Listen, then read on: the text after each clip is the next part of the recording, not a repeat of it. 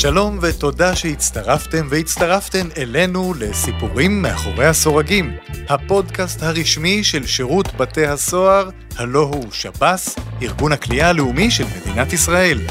אני אלעד זוהר, איש תקשורת וגם חזאי מזג אוויר, ואני שמח לארח ולהנחות את הפודקאסט הזה. כולנו יודעים על מה אמון שב"ס, החזקת אסירים בתנאים נאותים, מילוי צורכיהם הבסיסיים ובשאיפה גם על שיקומם עד לקליטה נאותה בחברה לאחר השחרור. אבל איך כל זה קורה בפועל?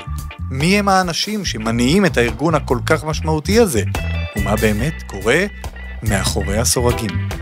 אז כאן, בכל פרק נחשוף עוד ועוד מהעשייה החשובה של שירות בתי הסוהר, ואת המסע המרתק הזה אל מאחורי הסורגים, אני לא עושה לבד, כאן לצידי, דוקטור הדס סופר שבתאי, ראש תחום השכלה ופיתוח אישי באגף משאבי האנוש של השב"ס. שלום, תודה שבאת. שלום אלעד, כיף להיות פה.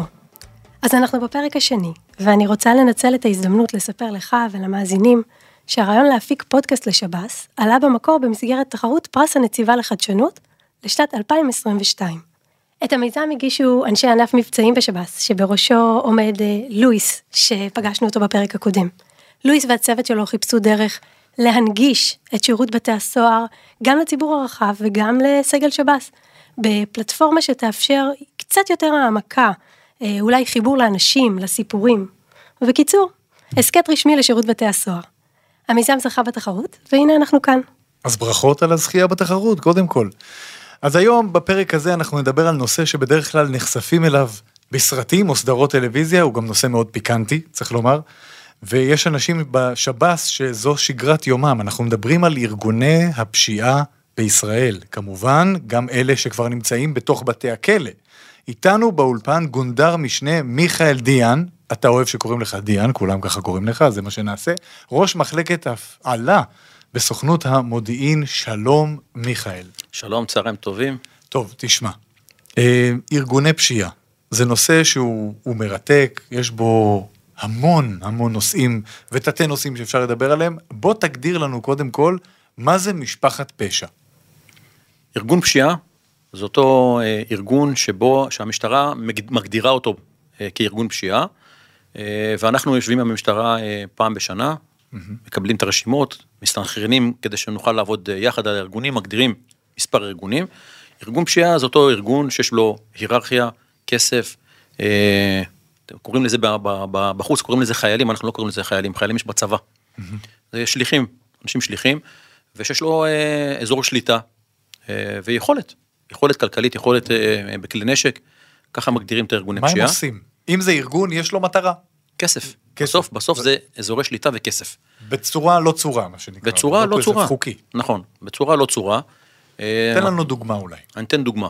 ארגוני פשיעה מפעילים מכוני ליווי, זנות, סחיטה באיומים, השתלטות על קרקעות, השתלטות על, על מכרזים, הלוואות, קווי הלוואות, דיברנו על סחיטה באיומים, כל הדברים האלה. על, על, על חלוקת אה, קו ירקות בעיר, על אה, לקיחת בקבוקים מאולמות או מעסקים, מעסקים. בקבוקים זה כסף. מחזור. מחזור. מה סדר גודל? הדוגמה. כשאנחנו מדברים על ארגון פשיעה, מה סדר גודל פחות או יותר? של כמות אנשים באנשים? נכון. אז אה, בערך זה מתחיל מ-100 אנשים ומעלה, כי עד אז זה כנופיה או משהו, משהו מקומי, אבל זה הרבה יותר. אם זה כנופיות או ארגונים בעולם הערבי, אז זה כבר משפחות. קח משפחה, משפחות אה, מלוד, משפחות של אה, מאות אנשים. זה נכדים, נינים, דודים, בני דודים, זה משהו בתוך החמולה עצמה. זה מאות אנשים עם המון מאוד כסף, המון המון המון כסף. איך נולד ארגון פשיעה? משפחת פשע. קם בן אדם ואומר, אני אקח את האחיין שלי והדוד שלי והזה שלי, ואני אתחיל לאיים על אנשים שאם הם לא יעשו כך וכך, או שזה זה עובר בירושה, מה קורה שם? זה, זה קם בן אדם ביום מן הימים שהוא בן אדם אמיץ, עם יכולת לרתום אחריו אנשים, שהוא כריזמטי מאוד, מאוד כריזמטי, וגם ביכולות שלו וגם בפה שלו, הוא מצליח לגרור אחריו אנשים. ככה זה עובד. זה לא נולד מאיזשהו מקום. בן אדם שמוכר בתוך עולם הפשיעה, גדל בבית סוהר, התחבר עם אנשים, בסוף הוא מייצר איזושהי שרשרת של אנשים, בתוך בית הסוהר, עם היכולות הכלכליות, הוא מגייס את האנשים שאין להם כסף, ומשם זה מתחיל לגדול. ואז אתה מתחיל להשתלט על אזור, על תחום מסוים, ומתחבר עם אנשים. בסוף אתה מתחבר לאנשים שהם, שהם קצת יותר גדולים ממך, והעולם הזה הוא משתנה. אחד סיים את המקום שלו בארגון פשיעה, יורד, בא אחריו ארגון אחר, יורד, וכן הלאה וכן הלאה. כל אחד את התור שלו בחיים. קח אותנו אולי טיפה בהיסטוריה. תן לנו איזה דוגמה מארגון פשיעה או משפחה שככה מוכרת בכל בית אולי, או לכל אוזן שחובבת, אם אפשר לומר את התחום. אני אלך לה- דווקא לאנשים שכבר לא בעולם הזה, לצורך העניין, מי ששלט ב- ב- בעולם הפשע בשנות ה-70, זה היה כנופיה מכרם התימנים, או הרצל אביטן, או שמעיה אנג'ל, נפטרו מן העולם, בא דור חדש. אגב, גם כשהיו חיים, כבר התחיל דור חדש. גם היום, אותו דבר, יש דורות שנמצאים בבית סוהר, יש דורות של צעירים שמגיעים ומשתלטים על אזורים. זה פשוט מאוד, אין חלל. כן. מה התפקיד שלך בעצם למול ארגוני הפשיעה בכלא?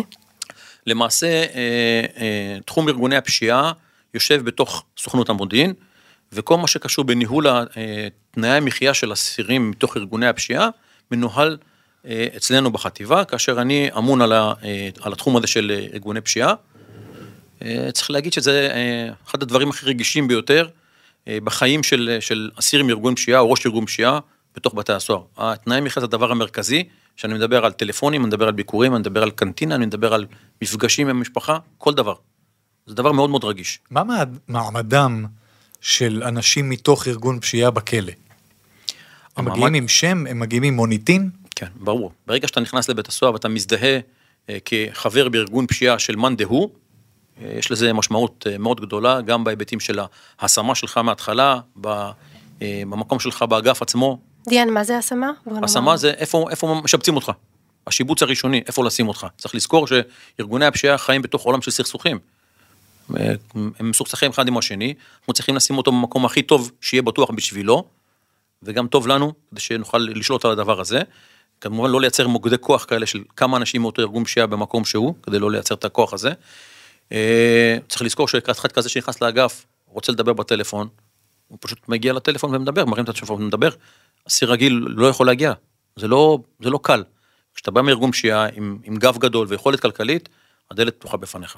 מבחינת אסירים, בהיבט של אסירים לאסירים. כן. זאת אומרת שיש לך מה שנקרא סידורי שיבוץ אה, מורכבים מאוד. אתה צריך לוודא שאין מישהו שמכיר מישהו, שאין מישהו שרוצה לחסל מישהו בתוך כותלי הכלא, אז מה, אתה מפרק אותם אחד מפה, אחד מפה, אחד מפה, הם לא נפגשים? מפת ארגוני הפשיעה זה משהו שהוא, אה, שהוא משתנה מדי יום. זאת אומרת, לצורך העניין, אם אנחנו מכירים שהיום יש סכסוך בין ארגון כזה לארגון אחר, אבל בלילה קרה משהו בחוץ שמשפיע על מה שקורה בתוך בתי הסוהר, אנחנו צריכים לשנות את מפת ההשמה. ולכן אותו קמ"ן משמרת, או אותו איש שמקבל את העצור בלילה, הוא צריך להכיר את המפה הזאת כמו שצריך, לדעת איפה לשים אותו. לעתים אנחנו שמים אסיר בלילה בתוך תא המתנה אה, למספר שעות ומזיזים אותו ממחוז למחוז בבוקר, כדי שלא לאפשר את ה- את ה- את המפגשים האלה ובפגיעה.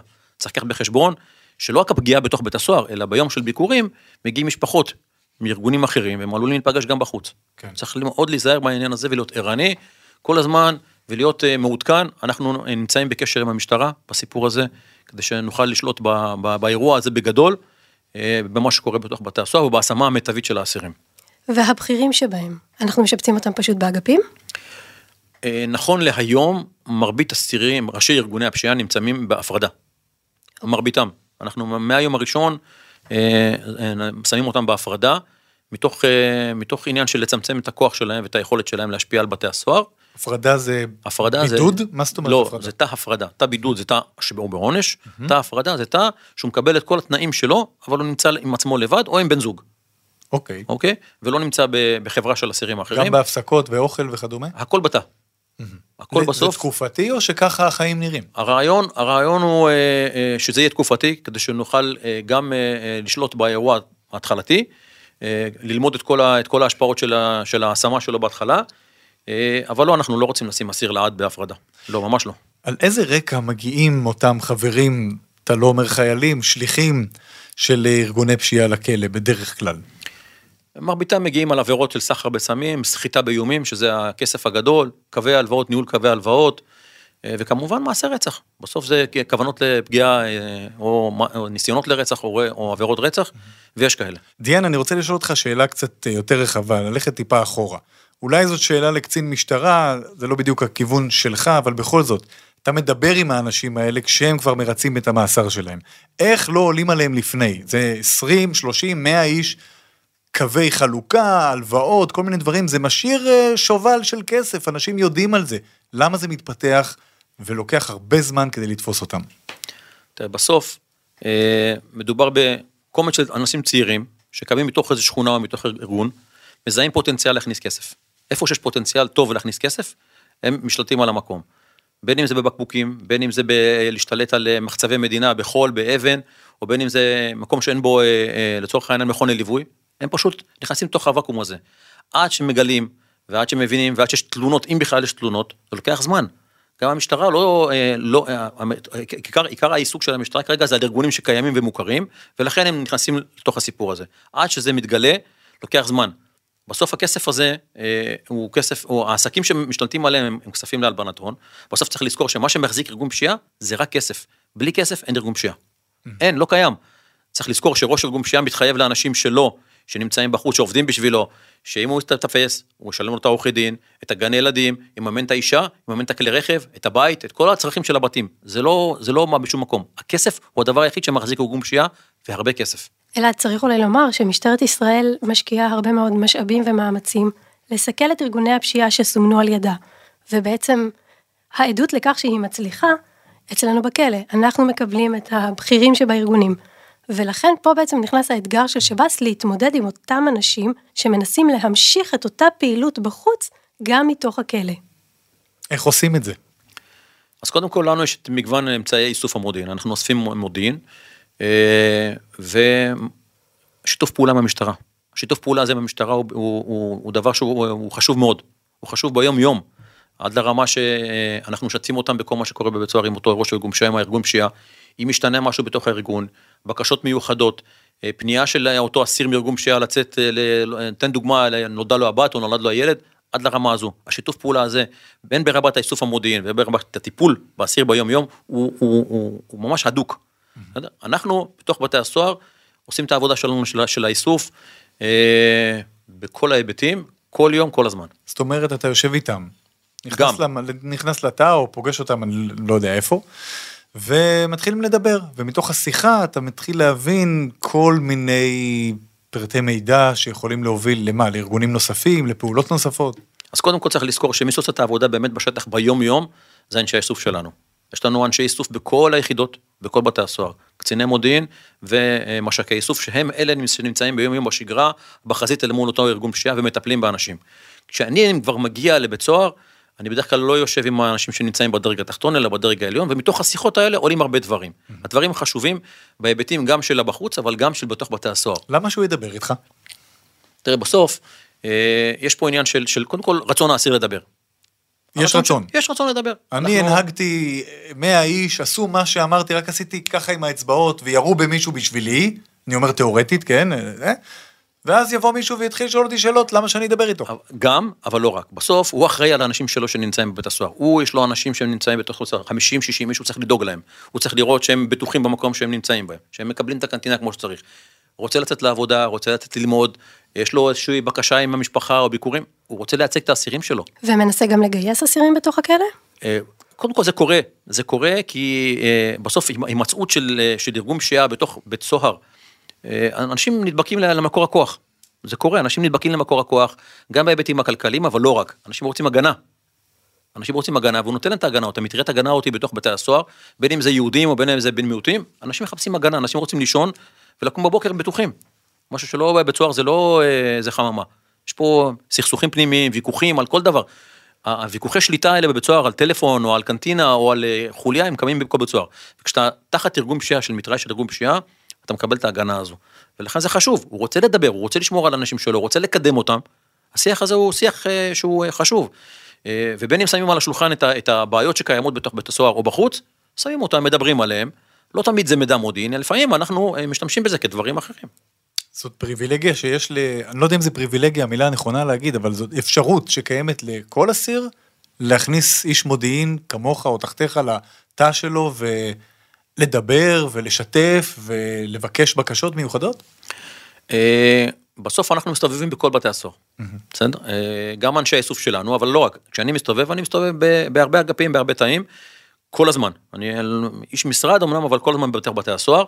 אה, נכון שהעיסוק הזה בתוך ארגוני הפשיעה שואב אותנו למקום אחר, כי בסוף אני גם בכובע שאחראי על ארגוני הפשיעה. ולכן העיסוק הזה סביב ארגוני פשיעה וסביב ראשי ארגוני פשיעה הוא מאוד גדול, גוזל לנו הרבה זמן.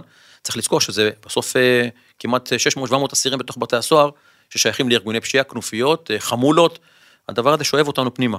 והמודיעין זה בעצם רובד אחד בהתמודדות עם ארגוני הפשיעה, נכון. ויש לנו בעצם מערכים נוספים שנדרשים לתת מענה. דיאן, אולי תרחיב בנושא? אז, אז אה, ההיבט המודיעיני הוא היבט של, של לדבר ולאסוף מודיעין ולהתריע ולסכל. אבל once קרה אירוע, ברגע שפרץ אירוע, המודיעין לוקח את עצמו צעד אחד אחורה, נותן לאגם. האגם הוא חלק בלתי נפרד לטפל בו. האגם מטפל בכל הכלים שיש לו לטפל באירועים, אירועים קשים. אני חייב לציין שבשנים האחרונות עברנו אירועים והפרות סדר מאוד מאוד קשות של ארגוני פשיעה בתוך בתי הסוהר, כאשר הם יצאו נגד הממסד, אה, קודם כל בהיבט של אה, תנאי מחיה, ב', מי שולט? מי שולט? אה, אם אתה נכנס לתוך הבית שלו, once the so called זה הבית שלו, הוא קורא לזה הבית שלו, אז אני שולט בבית סוהר, אני נכנס לתוך הבתים שלו, חיפושים כל הזמן עושים אנשי המבצעים והאג"ם והסוהרים שנמצאים בבתי סוהר. מהבחינה הזו אסירי ארגוני פשיעה לא שונים מכל אסיר רגיל, נכון? לא שונים מאף אחד אחר. לא שונים, ואפילו יותר מזה. אפילו אנחנו אה, מקפידים יתר על המידה בתוך האסירים של ארגוני פשיעה, כי המסר הזה, ברגע שאתה נוגע באסיר מארגון פשיעה או בכנופיה כזו, המסר יורד עד אחרון האסירים, אה, וזה מאוד מאוד חשוב, להעביר את המסר אה, לכל האסירים. צריך לזכור שזה, שזה עיסוק שגורר בסביבו לא מעט איומים. יש עוד איזה היבט שככה אני שומע במוזיקה של הדברים שלך, כי זה בן אדם שהיה קצת כל יכול, ופתאום הוא לא כל יכול. פתאום הוא מאחורי דלת.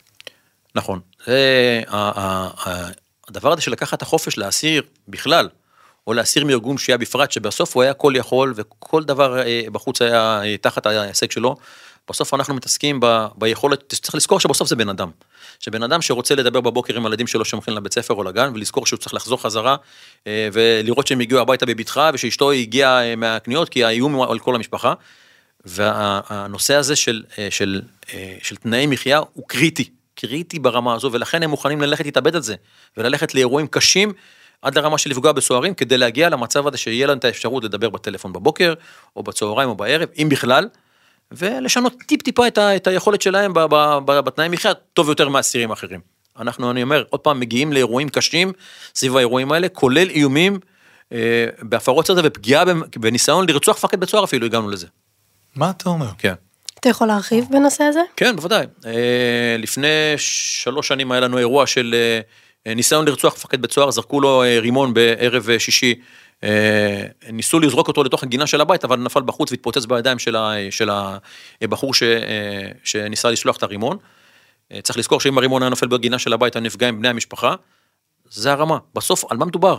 זה לא עכשיו איזשהו אירוע שהפשיטו אסיר בכוח או משהו כזה, על תנאי מחיה. בסוף סיפור של תנאי מחיה הוא סיפור קריטי בהוויה, בחיים של אסירים מארגוני פשיעה, אה, וזו הרמה. אגב, אה, יש לנו עשרות אה, אנשים שהם מאוימים כל הזמן, עם אבטחה מסביב לבית 24-7, עם משטרה שעסוקה סביב הסיפור הזה של ארגוני פשיעה, שמאיימים לנו על המשפחות שלנו, כי הם מבינים שבסוף הסיפור הזה של איום על, על איש סגל, אולי אולי ישנה את המשוואה, אנחנו עושים הכל כדי שלא, אבל צריך לזכור שזה דבר קריטי.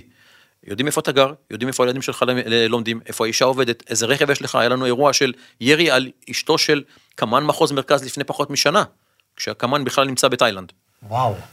זה, זה, זה לא פשוט, זה משפיע על בני המשפחה, וזה משפיע גם על העבודה שלנו. היא הייתה שמורה באותו זמן? מוגנת? לא, לא, לא, לא, הייתה, לא הייתה שום בעיה איתם. Mm-hmm. הם פשוט רצו להעביר מסר, mm-hmm. והעבירו אותו בדרך הדרך הזאת, דרך הרכב של האישה. תשמע, שיחה מרתקת, אני מקווה שעוד יש לך כוח.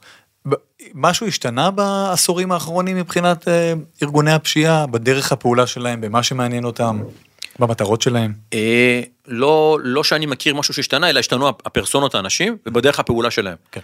אה, צריך לזכור שפעם היו עבריינים, קראו לזה עם כבוד ו, ו, ולא רצחו נשים ולא רצחו ילדים, היום זה השתנה, המשוואה השתנתה. וההתנהלות בתוך בית הסוהר הראשונה, היום יש יותר צעירים, יותר מיליטנטים, הם יותר חמים כל הזמן, דם חם כל הזמן. צריך לזכור שבעבר ארגוני פשיעה פחות התעסקו עם נשים וילדים, הגבולות התשתשו ונפגעו גם נשים וגם ילדים וגם אנשים בתוך המשפחה.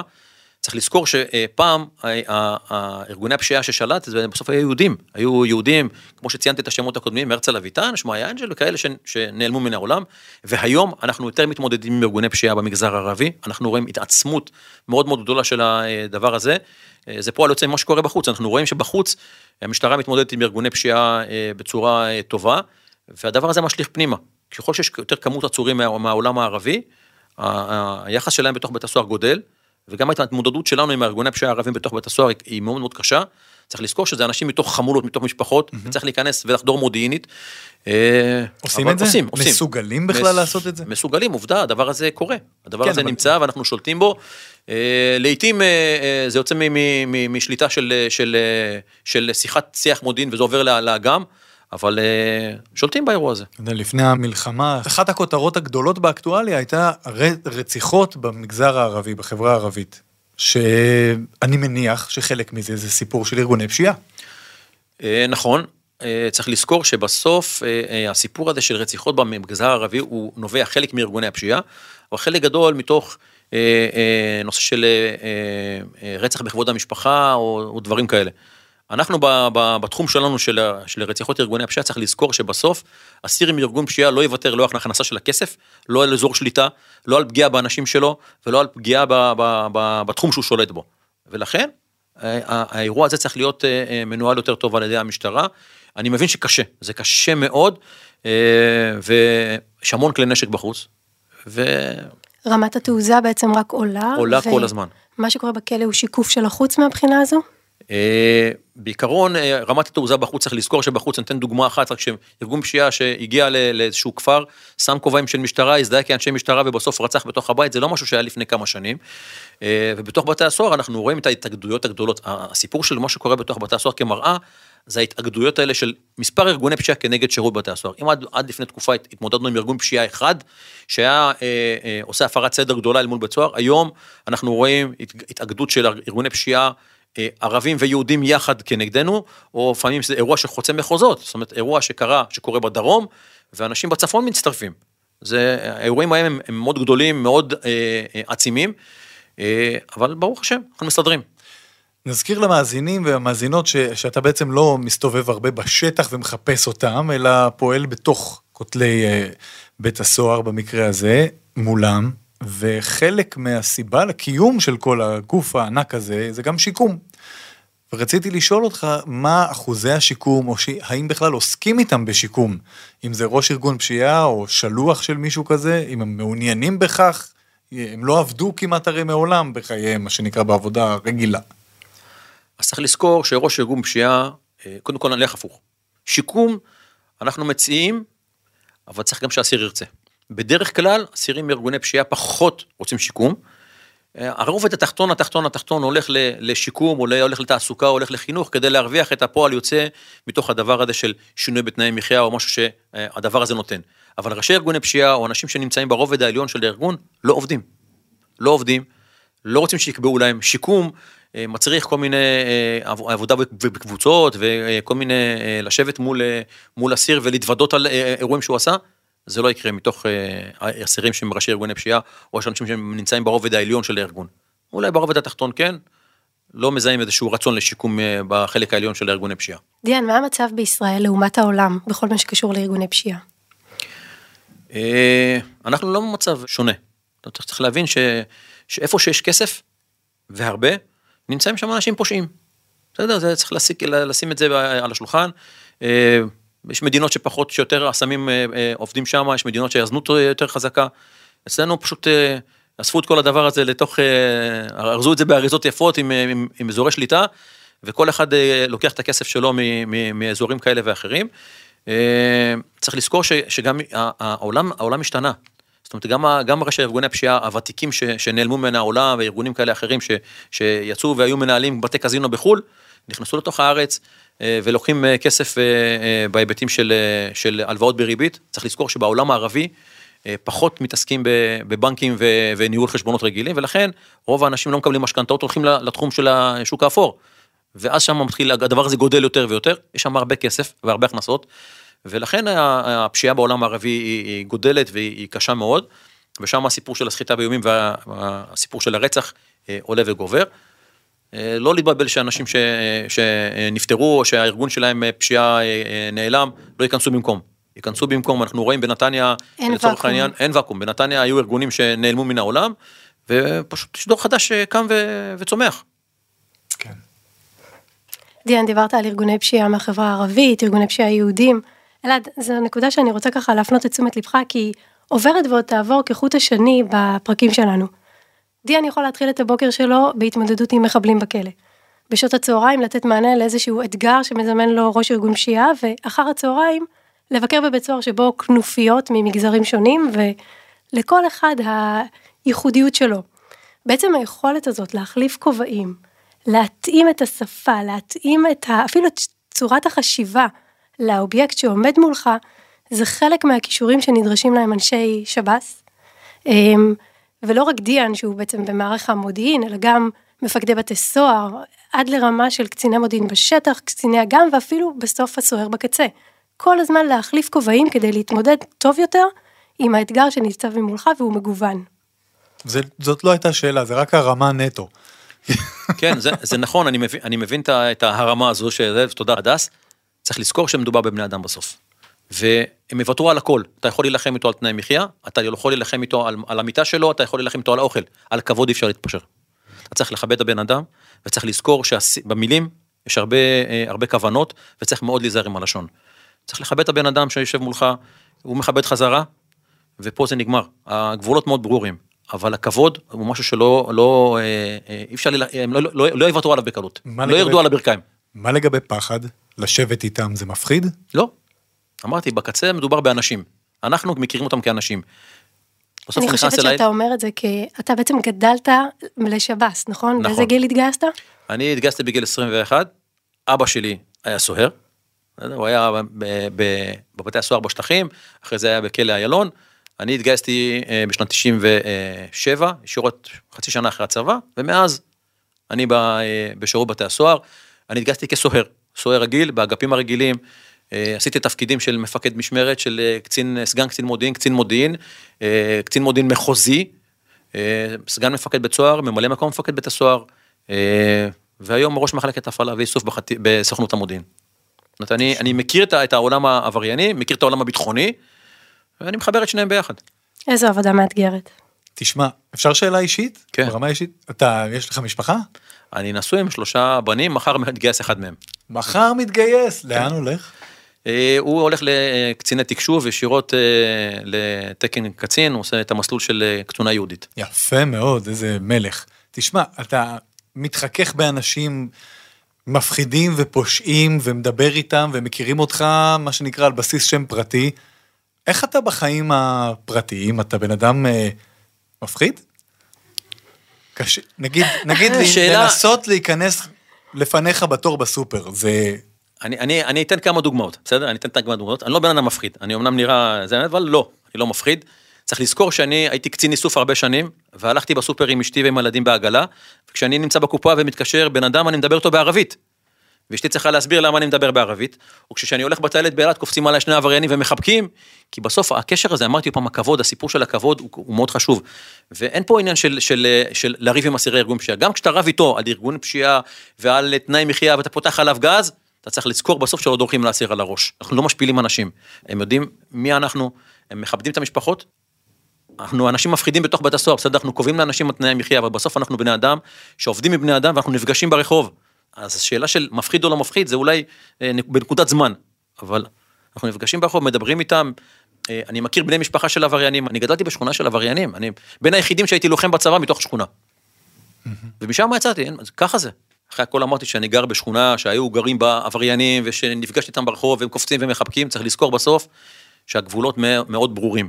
הגם שאנחנו אה, מסתובבים באילת בבית הילד והוא מחבק אותי ואני מחבק אותו, אל מול אשתי והילדים אגב, זה קורה למול אשתי, הגבולות מאוד ברורים, הם יודעים מה, אה, מה כן ומה לא, אנחנו בסופו של דבר אה, מקווים שלא, אבל אנחנו נפגשים שוב פעם במאסר הבא, והם יודעים שהגבולות מאוד ברורים, שאפשר לדבר בצורה מכובדת, אבל הקווים הם מאוד ברורים, המסגרת מאוד ברורה, אנחנו נמצאים בבית סוהר, מה מותר מותר, מה שאסור אסור ולא עושים. ועכשיו איתנו קלעי אלירן סולומון מענף המבצעים בשב"ס, בפינתו סוגרים פינה. וואו, איזה. פתיח. שלום, שלום? כיף להיות פה. מה זה דרגת קלעי? תספר בבית למי ששומע. בבית, אה, קלעי זה בעצם מקביל לסרן. מי שמכיר מהצבא, כן, או קצונה. פקד, מהמשטרה, כן, אוקיי. זה בגדול. מה אתה עושה ביום-יום, חוץ מלהגיש פינות בפודקאסטים? אני קצין אה, תיאום אה, מבצעי אה, בשירות בתי הסוהר, בחטיבת המבצעים, ענף המבצעים. אני בעצם עובד מול כל גופי הביטחון, הסיוע, אוקיי, צה"ל, משטרה, כן. מצוין. אחלה גופים. הכנת לנו פינה לפודקאסט. פינה, חתיכת פינה, כן, הכנתי פינה. לנו? אני- אז הפינה שלנו היא בעצם נקראת אה, סוגרים פינה, כמו שאמרת. אה, אנחנו, אלעד, למקרה שלא גילו לך, אה, אתה עומד לאט לאט לעזוב את עולם התקשורת.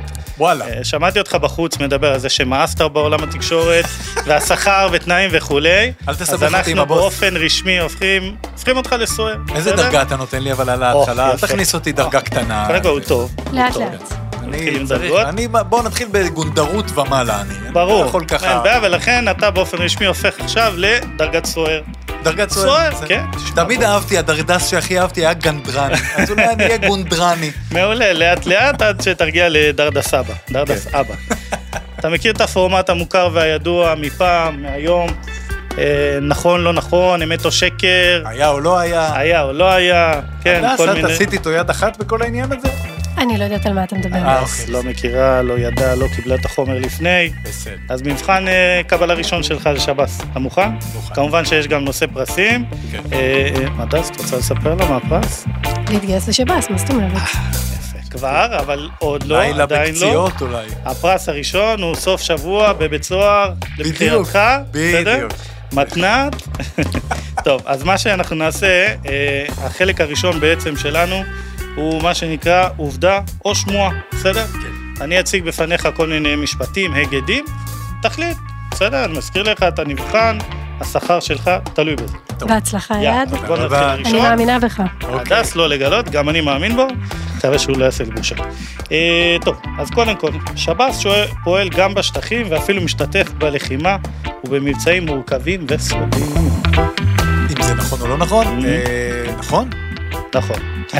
אתה מכיר את זה מהפרק, בגלל זה. כן, אה, אין בעיה. קיבלת צ'ופר. קיבלת, אין מה בעיה. היית שואל ואומר לא? רגע, רגע. לא, אנחנו רק. בכלא. מי פועל בשטחים? הוא- המודיעין, גם ומבצעים, וה... עדיף שתעתיק. היחידת מצדה. או, יפה. יפה. נזכרתי, זהו, נזכרתי. יפה, זה טוב. אה, סוהרי שב"ס, זה משפט מפוצץ, כן? תהיה מוכן. כן. סוהרי שב"ס סיכלו פיגועים המוניים, או מנעו פיגועים המוניים. נשמע שכן, וואו. כן. ואחרון חביב, בשב"ס מופעלים סוכנים שהביאו למעצרם של מאות בלדרים וסוחרי סמים. האם זה עובדה או שמועה? הדס, מה את אומרת? אפשר לקבל חבר טלפוני פה? מישהו? מנחה טלפונית? חבר טלפוני, אתה יכול להיעזר בהדס. אני חושב ש... אני- היא החונכת שלך. אני רוצה להאמין שכן. כי אתם כאלה תותחים, אז למה לא? יאללה, אז בוא, בוא, בוא נעשה בדיקה. אז קודם כל לגבי יחידת מצדה, הדס אמרה, אתה מכיר, יחידת מצדה פועלת בשטחים, יחידה אחת הטובות, מטכ"לית, לא נרחיב עליה יותר מדי, כן. יש פרק שלם שדיברו עליה. אלעד, אוגוסט 2014, מחבל עם טרקטור דורס למוות עוברי אורח בירושלים. לוחם מיחידת נחשון, יחידה שמלווה אגב אלפי אסירים מדי יום ברחבי הארץ, פורק מהרכב ומחסל את המחבל יחד עם עוד שוטר במקום. רוצה עוד אחד? כן. יאללה, קיבלת אין בעיה. ינואר 2015, שנה לאחר מכן. צוות של היחידה של נחשון שהיה עם אוטובוס מלא באסירים אגב, בדרך לבית משפט, מזהה מחבל שדוקר אזרחים במרכז תל אביב. מפקד הצוות לא חושב פעמיים וחותר למגע. מה קרה למחבל לדעתך? אין אותו. הוא לא איתנו, בסדר? הוא במקום אחר. רוצה עוד אחד? יאללה, יש. קיבלת. יחידת דרור, יש לנו יחידת דרור, יחידה מודיעינית שעוסקת בלחמה, בפשיעה ומניעת הברחות לבתי הסוהר, משתפת פעולה עם משטרת ישראל.